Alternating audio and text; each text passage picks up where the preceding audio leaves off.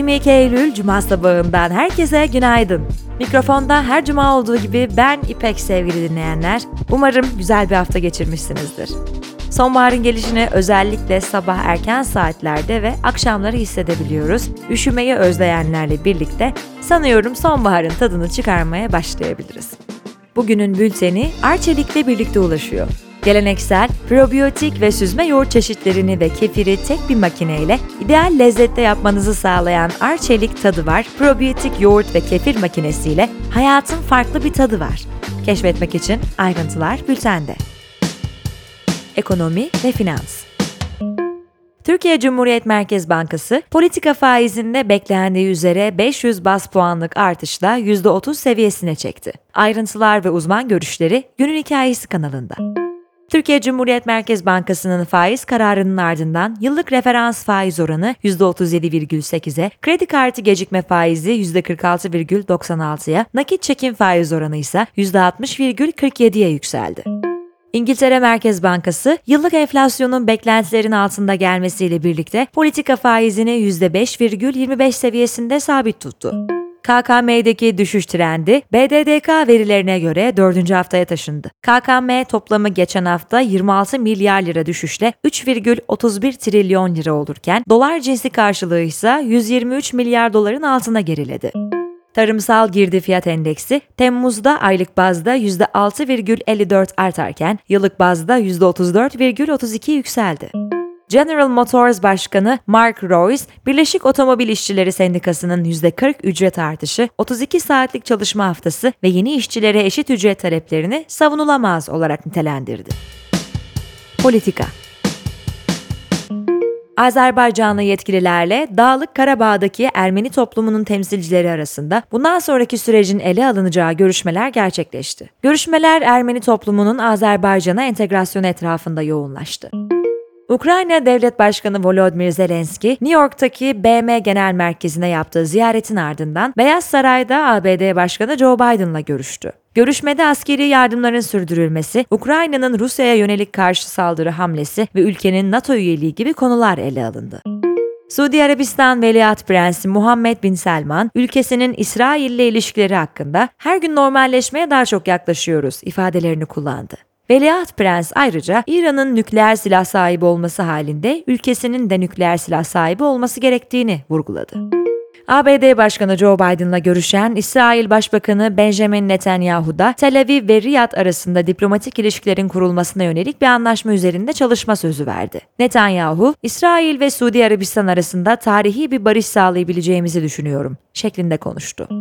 Suriye Devlet Başkanı Beşar Esad, Çin Devlet Başkanı Xi Jinping'in daveti üzerine Pekin'e bir ziyaret gerçekleştirdi. Esad, cumartesi günü Xi'nin yanı sıra diğer yabancı liderlerle bir araya geleceği Asya oyunlarının açılış törenine de katılacak.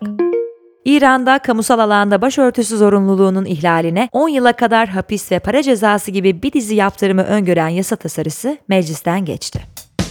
Teknoloji ve girişim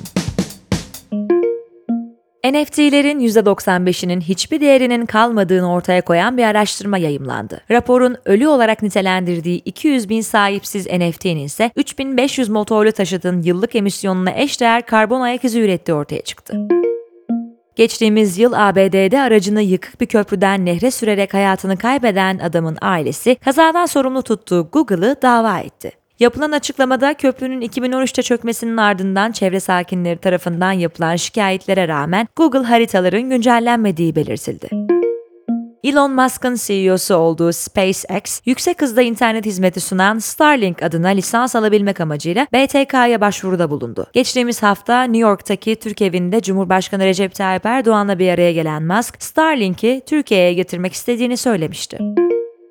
Aralarında Game of Thrones'un yaratıcısı George R. R. Martin'in de bulunduğu 17 yazar ve The Authors Guild, telif hakkıyla korunan eserleri izinsiz kopyalayarak büyük dil modellerini eğittiğini öne sürdüğü OpenAI'ya dava açtı. Savaş suçlarının yargılanmasından sorumlu Uluslararası Ceza Mahkemesi'nin siber saldırıya uğradığı bildirildi. Konuya ilişkin açıklamasında gerekli önlemlerin alındığını belirten kurum, saldırının ciddiyetine veya sorumlunun kim olabileceğine ilişkin bilgi vermedi. Aposto'dan haberler. Yeni projelerimiz ve geliştirmelerimizle yeni döneme hazırlanırken ürün ve yayın seçkimizdeki yenilikleri sizlerle paylaşmak istiyoruz. Papara kampanyamız. Papara kullanıcılarının Papara kartlarıyla Aposta web sitesi üzerinden başlatacakları aylık ya da yıllık aboneliklerinde her ödeme dönemi için 15 TL geri ödeme kampanyası başlattık. Kampanya kapsamında Aposta üyeliklerini başlatan okurlarımız 6 ay boyunca bu geri ödemeyi alarak indirimli tutarla Aposta üyelikten faydalanmaya devam edecekler. Öğrenci programımız. Aposto Radyo olarak ses tasarımı staj programında bizimle beraber üretecek yeni ekip arkadaşlarımızı arıyoruz. Eğer sen de podcast, sesli belgesel gibi sesli içeriklere dair bir ses tasarımı veya mühendisliği programda öğrenciysen ve bu alanda yaratıcı çalışmalarda yer almak istiyorsan programa başvuru için detaylar bültende. Kısa kısa Sayıştay 2022 yılına ilişkin denetim raporlarını paylaştı. 2022'de devlet borçları yıllık bazda %46 artışla 4 trilyon lirayı aştı. 2021'de 278 milyar lira olan hazine garantileri ise 2022'de 402 milyar liraya yükseldi. Cumhurbaşkanlığı Külliyesi'nin yıllık faaliyet zararı 5,5 milyar lira olarak kayıtlara geçti. Beştepe'nin günlük harcamaları ise 15 milyon lirayı aştı. İletişim Başkanlığı'nın toplam gideri 1,9 milyar lira, toplam geliri ise 95,6 milyon lira oldu. Böylece ortaya çıkan olumsuz faaliyet sonucu 1,8 milyar liraya ulaştı. SGK'nın Aile ve Sosyal Hizmetler Bakanlığı'ndan 170 milyon liralık alacağını 10 yıldır tahsil edemediği öğrenildi. Rapora göre SGK'nın belediye ve belediyelere bağlı şirketlerden tahsil edemediği alacakları ise 38 milyar lirayı aştı. Türkiye'den hiçbir üniversite Avrupa'da ilk yüzde yer alamadı. Avrupa geneli sıralamasında ODTÜ 124. İTÜ 138. Koç Üniversitesi 174. Bilkent Üniversitesi 178. Boğaziçi Üniversitesi ise 199. sırada yer aldı. A milli futbol takımı FIFA Dünya sıralamasında bir basamak gerileyerek 42. sırada yer aldı. Günün hikayesi 20 yılın zirvesi.